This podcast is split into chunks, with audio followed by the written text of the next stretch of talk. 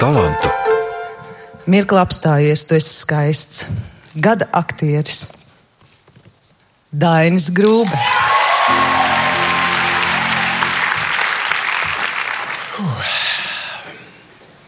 Jā. Šī taču ir mana skatuve, un es uz viņas uztraucos. Nu tā, huh. Labi. Paldies visiem! Brīdis no spēļu nakts apbalvošanas ceremonijas atgādina, paldies, kādas Laurai. emocijas valdīja, kad Dailas teātra aktieris Dainis Grūbe saņēma balvu labākais gada aktieris. Viņa saviņojums bija paties, un no sirds izskanēja daudzi paldies gan kolēģiem, gan tuvajiem. Vislielākais paldies manai ģimenei, mammai, tētim, sievas vecākiem, un it īpaši manai sievai Marijai. Paldies, ka tu mani pacieti, un paldies, ka tu mani atbalsti. Paldies, ka tu mani esi. Es tevi ļoti mīlu. Paldies visiem! Dainis Grūbi balvu saņēma par bērnu lomu izrādē izraidītie un par Songli Lingas atveidu izrādē M. Butterfly lai arī daudzi, kas seko līdz teātra procesiem, to prognozēja un arī skatītāju simpātija balva tika Dainim Grūbem, tomēr pēc ceremonijas aktieris atzina, ka balva pārsteigusi. Es nebiju gatavojies vispār īstenībā kaut kam tādam, jo es arī, es pateikšu godīgi, es biju gaidījis, ka būs, um, ka būs Juris. Es uzskatu, ka Juris bija ļoti pelnījis šo balvu un viņš joprojām viņu ir pelnījis. Tiešām es negaidīju.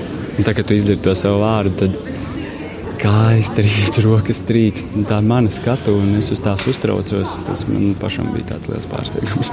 Laikam tajā nosauktajā vārdā gada aktieris tur slēpjas kaut kas tāds vairāk nekā debija vai kaut kas cits. Jā, varbūt tas arī baigi iedeva tādu emocionālo, ka tas tomēr ir tā, tā ka, nu, savā ziņā tas ir stipri pat tā skan. Nu, tas uzliek arī ļoti lielu pienākumu tagad. Tas pienākums jau nu, ir uzlikts jau pēc sezonas beigām, bet um, tagad, jā, tagad nu, atpakaļ ceļa vienkārši nav. nav.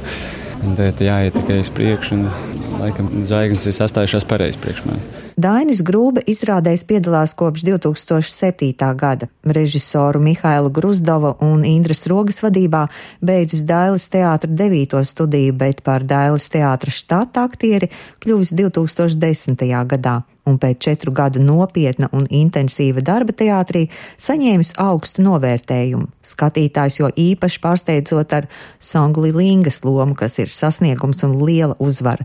Mēs tikāmies neilgi pirms spēļu nakts ceremonijas, lai vienkārši pārunātu, kā tapušas lomas, kas pamanītas gan no žūrijas, gan skatītāju puses.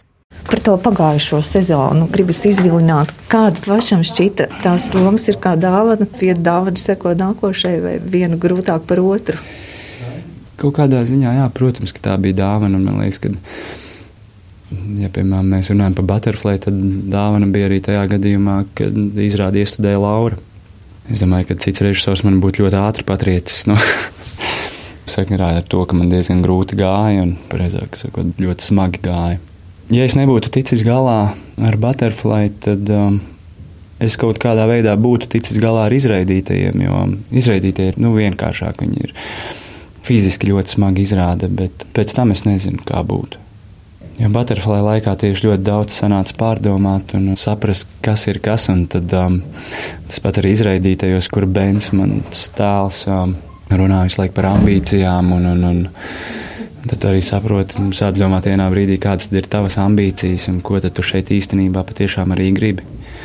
Un te, kad tu to sev visu tā noformulējies un salicis pa plauktiņiem, tad strādāt paliek vieglāk. Krietni gribās izdarīt vairāk, un, un protams, šobrīd arī ir bail kļūdīties. Vai es gribētu, ka te būtu neliela kafejnīca, kur pasēdēt? ar kapučīnu, vīriešiem smokingos un sliktē migrantu ķēzi, un tagad tu gribi mani noskūpstīt, vai ne? Kas tev liek būt tik nežēlīga? Varbūt es biju pret tevi nežēlīgs, bet tagad es esmu jauks.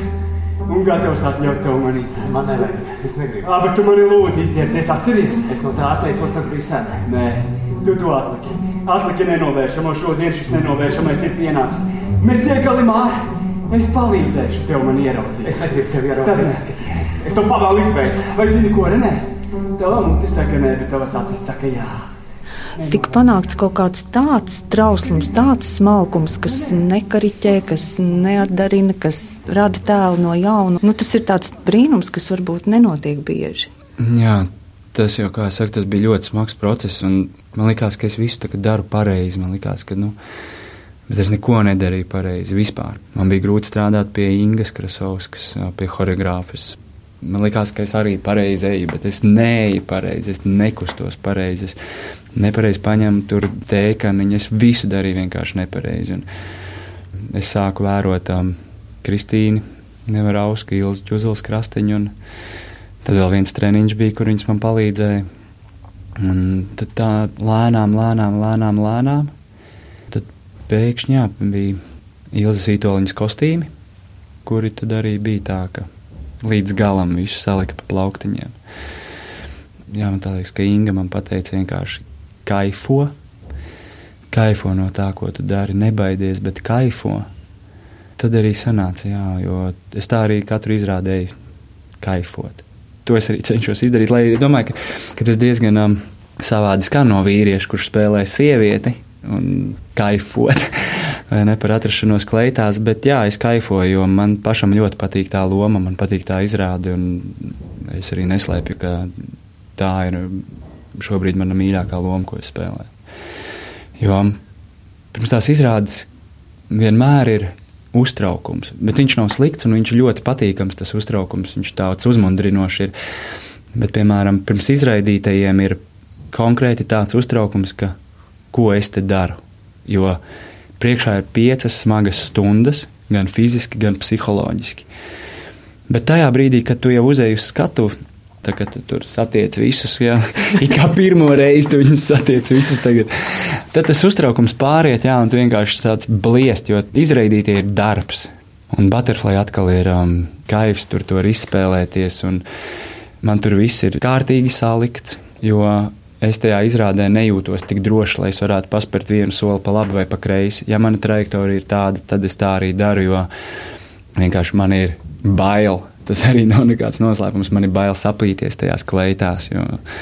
Es vēl varētu pat teikt, tā, ka es arī joprojām viņās mācos staigāt. Un paldies Dievam, ka man nav augstspēju kurpi. Par skatuves partneriem parasti runājam, ja spoža saspēle notikusi starp aktrisi un aktieri. Šajā reizē par skatuves partneriem divos iestudējumos kļuva aktieri Dainis Grūbe un Juris Žagars. Un ko par partnerību saka pieredzējušais kolēģis?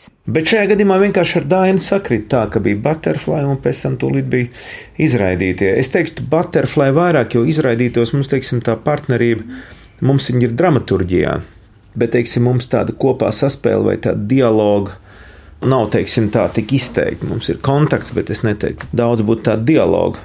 Kaut gan Koršanovs vienā brīdī gribēja un arī mūs aicināja, viņš saka, taisiet citādi nekā Lietuvā.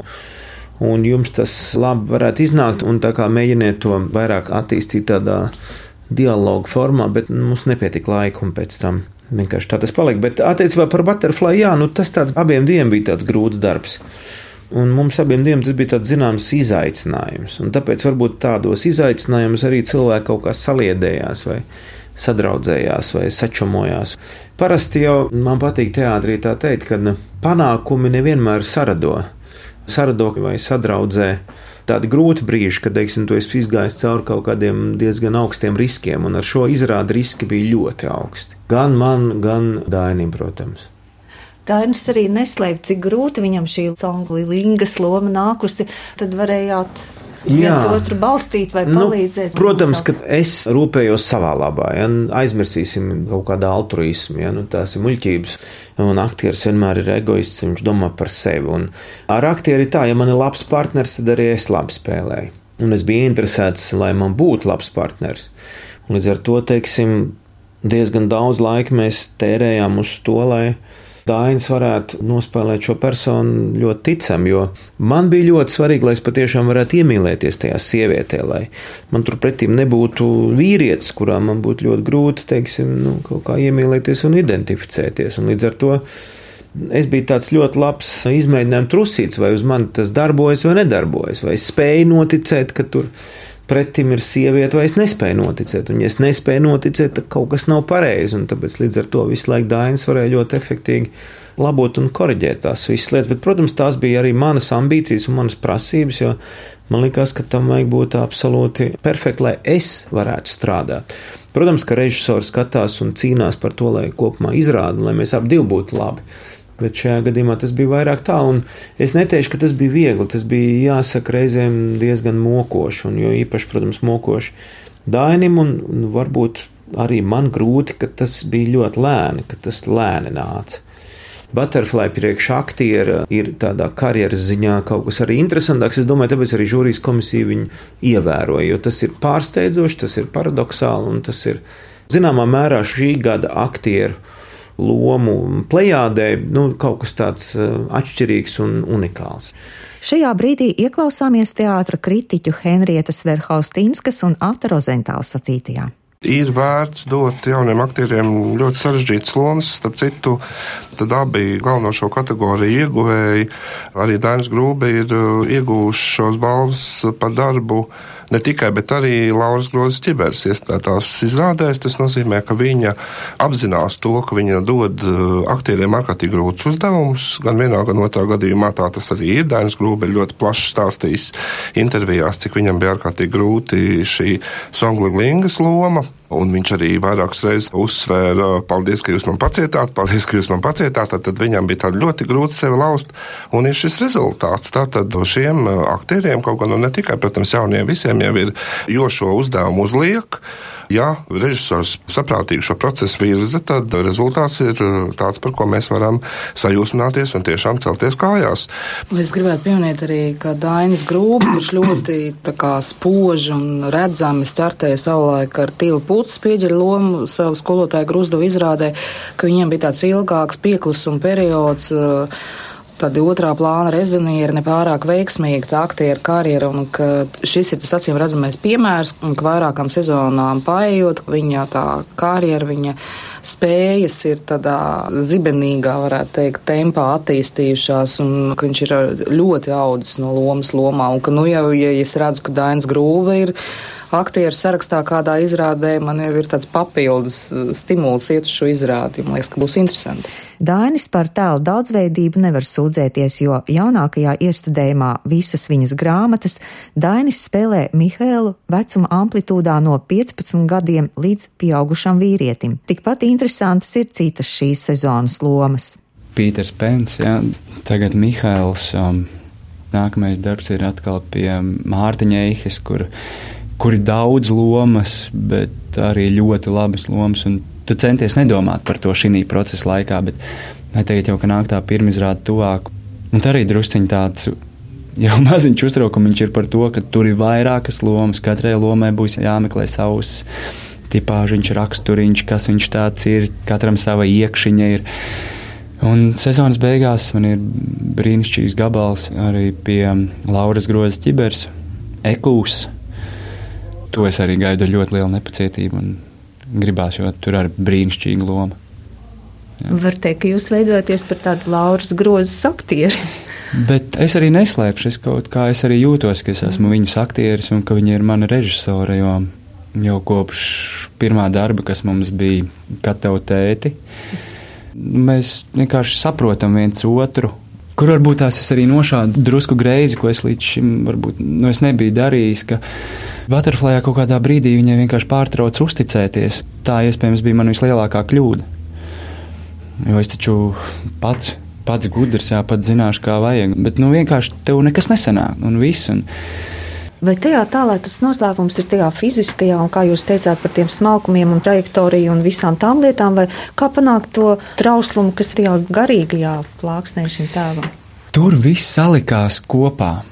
Tā kā, zin kā, Terminators, vai ne, ka viņi tur, viņam to ļauno tajā pirmajā sērijā tur izšķaida, tad viņš tā saplūst kopā, un viņš atkal ir viņš. Un tad apmēram tā tas arī bija. Vienkārši no tādiem visiem gabaliņiem, visiem vienkārši saplūda. Tā vienkārši tā kā burbuļu nūjiņu tā plinkšķi un viss. Nu, un tu pats jūties pavisam savādāk. Tu cita domāšana ir uzreiz. Raksturs parādījās, gaita, balss. Viss vienkārši tā, tiešām tā kā uz burbuļu nūjiņas tāda čiks sēdēju augšā, varbūt šņurbēniņos, kāda feja man tā no augšas tur bija jālauž pašam sevi, jo gribējās to lomu un gribējās to izdarīt un novest līdz galam. Un mierīgi var teikt, jā, ka pierādīt, pierādīt, ka es to varu. Jo tieši Butterfly laikā nācās ļoti arī atcerēties skolu, kas vispār ir skola. Es domāju, ka mums aktieriem ir it īpaši jaunajiem, kuri tikko mēs sākam strādāt, kad ir ļoti būtiski paņemt tās četru gadu pierakstu kladas aktieru meistarības, izšķirstīt viņas, paskatīties, kas ir kas un saprast to, kā tam ir jābūt. Un, bet manā gadījumā tas bija aizgājis jau tik tālu, ka, ka vienkārši es jau Gandrīz es kā kādu kļūdu parādījos. Man bija tāda sarkana kleita uzšūta mēģinājumiem. Tad pilnīgi vienkārši tāds, tāds kankariņš, varētu teikt, pat tā. Un, un es viņu vilku, un vilku uz katru mēģinājumu. Kā es biju tik laimīgs, ka es no viņas tiku vaļā. Viņa bija tāda sajūta, ka viņa bija piesūkusies ar visu to negatīvo, kas man pašam bija iekšā. Un vienā brīdī man vienkārši, godīgi sakot, bija tāds treniņš darbs, kur tu uzvelc ejot, sportot. Bet ja arī, arī daļa no sevis, tad tā nu, nepavisam laba daļa. Tā. Es esmu ļoti priecīgs, ka tieši Juris bija mans partneris abās divās izrādēs. Butterfly laikā Juris arī man šausmīgi vilka. Pēc vakara mēģinājumiem, kad mēģinājums beidzas ap 9, 10, viņš palika ar mani. Mēs sēdējām grimētavā, viņš vēl ar mani strādāja. Visu laiku uzmundrināja nepārtraukti. Dēļ tā visa jau tur nedrīkst vienkārši ņemt un padoties un mest plinti krūmos. Tas arī bija viens no iemesliem, kāpēc bija jāiet uz priekšu izraidītajos arī ir, jā, ar Juri, Juris ir nosacīti tas vecais bens, un es esmu jaunais bens, ļoti patīk, ka es no malas visu redzu. To izrādi izraidītos, kā mums ir Juri Koršanovs pateicis, viņš mums saka, tā ir jūsu izrāde, jūs viņu spēlējat, jūs droši varat meklēt, kaut ko mainīt, tekstus, ņemt viens otram nost, dot viens otram, un mēs tā arī darām. Mm, tāpēc es domāju, ka tā izrāde arī ir visu laiku ļoti dzīva. Ir. Un kas ir vēl ļoti svarīgi, ka tajā izrādē tiešām tu izjūti tādu kolektīvu. Viņu ļoti patīk visiem spēlēt. Tās ir piecas stundas, un tur ir lielākas lomas, mazākas lomas. Un, ka nav tā, ka tev izraidīt piecas stundas. Bet ka nē, ka tieši tas arī baigi paskrien, un tas iedod to stimumu visiem. Piemēram, izrādes laikā esmu vienreiz aizmirsis tekstu, un es nekautrējoties pagriezos pie suflieres, un es viņai paprasīju, kas man tagad ir jāsaka. Skaidrs, paldies, es turpinu ainu, un tāpēc tam. Um, Sievas māte bija šī izrādē, un viņa saka, nevar saprast, tas ir iestudēts, vai tu tiešām aizmirsti. Un tad šādas visādas lietas režisors Koršanovs ir atļāvis, un būtu grēks to neizmantot. Viņi paliek ar vien labāk un labāk tā izrāda. Viņi paliek pat ātrāk, viņi paliek kaut kādā ziņā pat dinamiskāka, jo Jo visi ir pieraduši, visiem viss ir skaidrs, un, un, un, un, un tas arī ļoti strādā. Tāpēc arī viņi ir visu laiku tādā ļoti labā līmenī, tā izrāda, un tas ļoti svarīgi to arī noturēt. Vai jūs esat arī skatītāji kaut kādu atbalstu jutuši, es domāju par šo tēmu, arī vispār par izbraukšanu, un kas varbūt nāk un pie jums skatās tieši tie, kas iegriežas Latvijā? Jā, man ir bijis, ir bijis kad ir pazīstami bijuši, kur ir Norvēģijā. Nu, diezgan sāpīgi esot. Un, uh, Izrādēs bijis ļoti interesanti, starp citu. Daudzās ir bijis tā, kā, ka pēc pirmā vārdiņa vienkārši pārīts, jauns pārīts, pieceļās, iziet ārā. Tāds ļoti interesants atgadījums ir bijis, ka mēs ar um, Lauru Dzelzīti, kas ir vandāls, sākam runāt par Kristu un Čingishanu. Nu, tad tur vienā izrādē viens vīrietis laikam nenoturējās un tur aizgāja pa gaisu, bet uh, tas, zin kā, tas netraucē, jo Viņš savā ziņā arī ir uzreiz ir izrādes sastāvdaļa. Ja tā notiek, mums ir dota zaļā gaisma no režisora apspēlēt to. Ja mēs, piemēram, redzam, ka zālē ir kāds skatītājs, kurš, piemēram, mums spēlējot ainu, izmanto telefonu, mēs droši varam iet pie viņa un divstāvīgajiem, ja mums gribās nodot, vai ne? Bet beigās mums jāpasaka, piedod, bet režisors lika. bet tā, mēs to nedaram. Lietuvā viņi to ļoti, ļoti piekopja. Mums tā izrāda vairāk iet par to tēmu. Un mums ir jāzina, kas tur arī notiek. Jo daudz jau neko nezina. Daudziem tiem, kuriem nav nekur neviens izbraucis, nekas viņš jau nezina. Un arī, ja viņš ir izbraucis, ja viņam kāds ir izbraucis, tas viss atkarīgs no tā, kur kāds tu esi. Jo, piemēram, es pats esmu bijis septiņas nedēļas ar strādājis īrijā pēc pirmā kursa pabeigšanas. Nu, Tur redzi, es strādāju kopā ar poļiem, un es zinu, kādi tie poļi bija, kā viņi strādā celtniecībā. Protams, es uzreiz nedomāju par visiem poļiem tur īrijā, tā kā tieši par šiem pieciem cilvēkiem, bet, bet nu, es nešaubos, ka tādu ir vēl 20, 30 tūkstoši tur īrijā, Anglijā, Skotijā. Viņi. Es tajās mājās negribētu dzīvot, kuras viņi ir cēluši. Bet šī pieredze tik noder šādā darbā strādājot. Nu, ja ne tieši tā. Nē, man, zin, man tur gāja ļoti labi. Ah, tas nedara. man tur gāja ļoti labi, jā. Un tas, nē, tas, tas bērns, viņš, es viņu ļoti, ļoti, ļoti velku kopā ar sevi, jo es mierīgi arī varētu, ja es būtu bijis tāds policijas inspektors un es pilnīgi elementāri varētu iekulties ar tādās nepatikšanās un tad vēlams viņu zina, kā tikt ārā un izkulties, nu tā, nu tajā vecumā. Pēc Ivanovs, krimināla policijas slepenais darbinieks, gandrīz jau veids varoņu darbu. Pēc iefiltrētais, iefiltrējies pašā autosagļu mafijas sirdī. Ja mēs runājam par tādiem draudiem vai briesmām, tad Dainim, protams, vienas briesmas ir tās, ka tu tik jauns dabū atzinību tad ir diezgan svarīgi nenoreipt no tā visa un vienkārši vēsi turpināt strādāt un saprast, ka šādas teātra atzinības viņas ir ļoti lielā mērā veiksmes. Un tas nevienmēr ir saistīts ar tavu kaut kādu ieguldīto enerģiju, laiku un tam līdzīgi. Tā vienkārši sakrīt.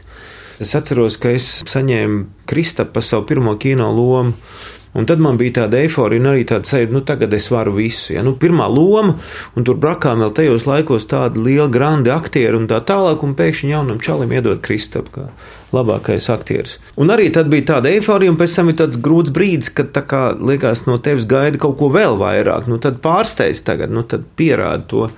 Un tas kaut kā jāmēģina ignorēt un vienkārši jāmēģina turpināt savu darbu. Tāpēc, ka tas jau nav sports, kur var izmērīt sekundes. Tas tomēr ir tāda lieta, kas ir tāds veiksmes jautājums. Es ceru, ka Dainis kaut kā tiks ar to galā, tāpēc, ka es domāju, ka grūtāks process vai, vai zemāks kritiens, kā viņam bija Butterfly, ka vienā brīdī, teiksim, bija tāda situācija, ka viņu var noņemt no lomas, vai viņš pat vispār var no lomas atteikties. Viņš zina, viņam ir pieredze, ko nozīmē būt zemākajā punktā. Līdz ar to es domāju, ka viņš šiem draudiem tiks pāri ļoti veiksmīgi un sapratīs, ka divas svarīgākās prasmes, kas teātrī ir jāiemācās, tikt galā ar tiem brīžiem, kad tev kritizē, un nenorēpt tajos brīžos, kad tev slavē, un tad tu vari turpināt strādāt. Par ko jūs ar Dainu runājat ārpus teātra? Jūs pieminējāt, ka jums ir par ko runāt. Par mājas lietām, par ģimenēm, par vienkāršām lietām. Man nepatīk ārpus teātra vispār nu, runāt daudz par mākslu. Mēs tā kā daudz tur par to nerunājam. Mēs nevāramies par to. Mēs esam Jā. abi divi tādi vienkārši cilvēki no laukiem. Viņš no Badonas, es no Cēsiem. Un, lai vēl ārpus teātra mēs kaut kādas murgus runātu par kaut kādām koncepcijām, nu, paldies, nē. Man ir teātrī faktiski divi tādi labi čomi. Tas ir dzelzīts un dainis, un tad mēs parasti arī kaut kur tā pasmējamies, vai kāds joks pastāstam, vai kaut kādas muļķības pagvēlšam. Ticiet man, pilnīgs muļķības, ja to ierakstīt. Tad... Juris Žakars atklāja, ka teātrī viņi trīs no laukiem, no Madonas cēsīm un alojas turas kopā, un Rīga ir vien viņu darba vieta, vieta, kur maizi pelnīt.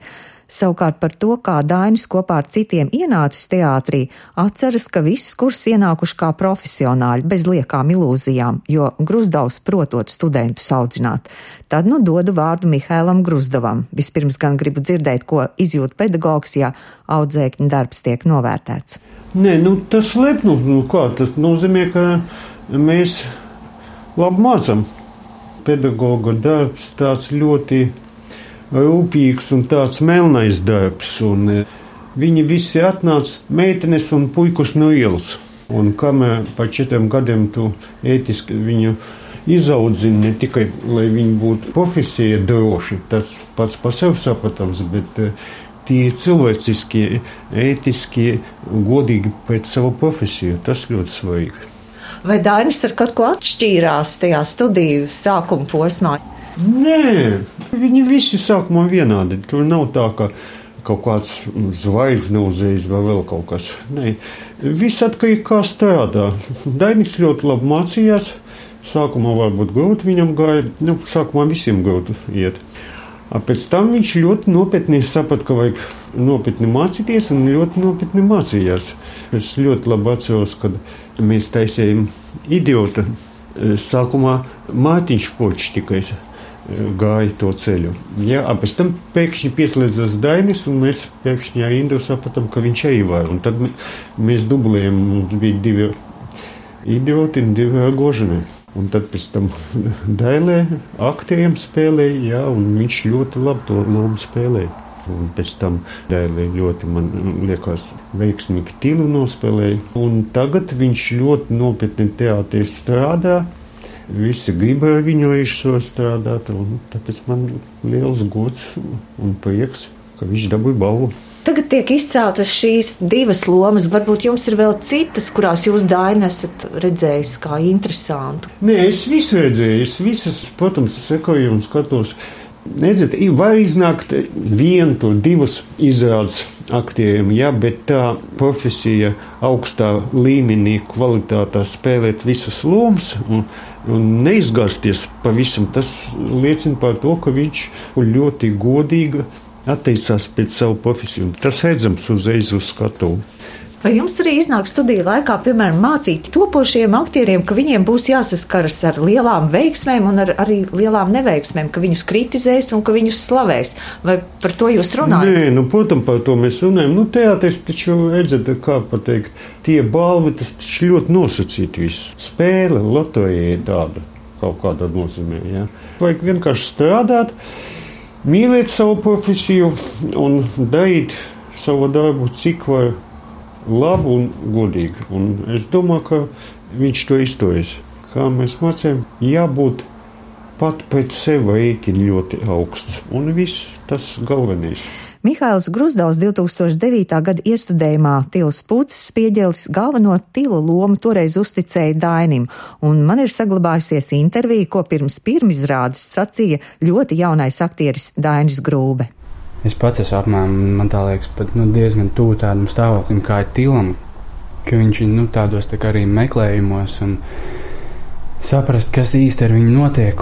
Tad man liekas, ka man pašam arī tagad ir tieši tāds pats stāvoklis, ka gribās saprast sevi un atrast īsti, kas ar mani notiek. Tāds stāvoklis man tagad ir tieši domā arī par šo aktieru profesiju un par to nu, radošo. Nē, par aktieru profesiju tur viss skaidrs, ah, ka tas ir tas, ko es gribu darīt un, un, un kas man interesē, jo vairāk nekur citur es sevi nevaru iedomāties. Bet nu, man tieši pašam tā pret dzīvi un, un, un savām attiecībām ar to. Tā kā arī pats stils tā, es tā, tā kā nedaudz pa gaisiem esmu. Tas arī man tā mazliet tā kā pat traucē drusku strādāt, jo ir tāds stāvoklis, ka ir grūti pieslēgties, un tad ir kārtīgi jāsaņemās katru dienu. Un tad nu, es cenšos. Tilam, principā, man tā liekas, ir tāpatās kā man, ka viņam nav grūti nodibināt kontaktu no nu, ar cilvēkiem. Jo viņš ir vienkārši tieši čalis, kuram principā sanāk viss caur kaut kādu humoru. Viņš ir tas staigātājs, ka viņam patīk iet, un tā arī ir. Un, ja es to izdarīšu, ja kāds tiešām teiks, tas čalis man lika aizdomāties, tad, drusciņā, tad, es uztīšu sev uz pleca un teikšu, ka viss kārtībā, ka man ir izdevies. Labi, nepārliecināšu tur tūkstoti visi, kas sēž zālē, bet man pietiks ar kaut kādiem pašiem pirmajiem desmit. Tā es arī mēģināšu. Likt skatītājam aizdomāties rosina daudzas dāņa atveidotās lomas, arī jaunākā Mihēla loma izrādē visas viņas grāmatas.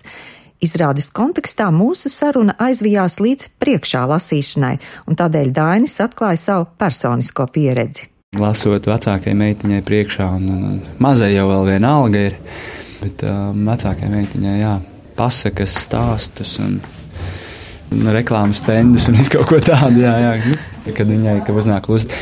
Bet, nu, Diemžēl, diemžēl, bet nu, sieva ar to vairāk nodarbojas, jo es esmu teātrī un tad es aizbraucu mājās, un viņas jau guļ, un viņas jau ir izlasījušas pasakas. Bet, nu, tad, kad es tieku, un tad, kad es esmu mājās, tad, tad gan ar to nodarbojos. Es kaut gan pārsvarā viņai pasakas stāstu, jo mēs runājam par ko viņi grib, tad viņi izdomā, par ko viņi grib.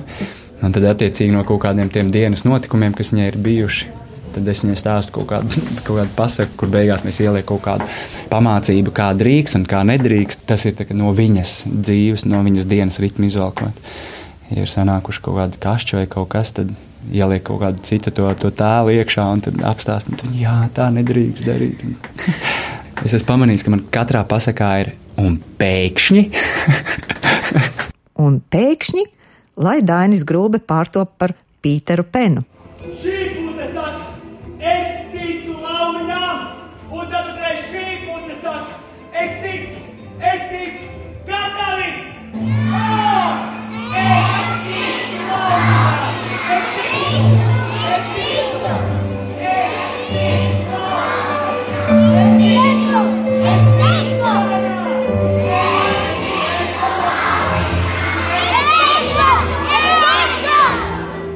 Ar šo skaisto ticību brīnumam, īpaši jau skatuves brīnumam, izskan raidījums, ko veidoja Valdis Raitums un Laima Slava.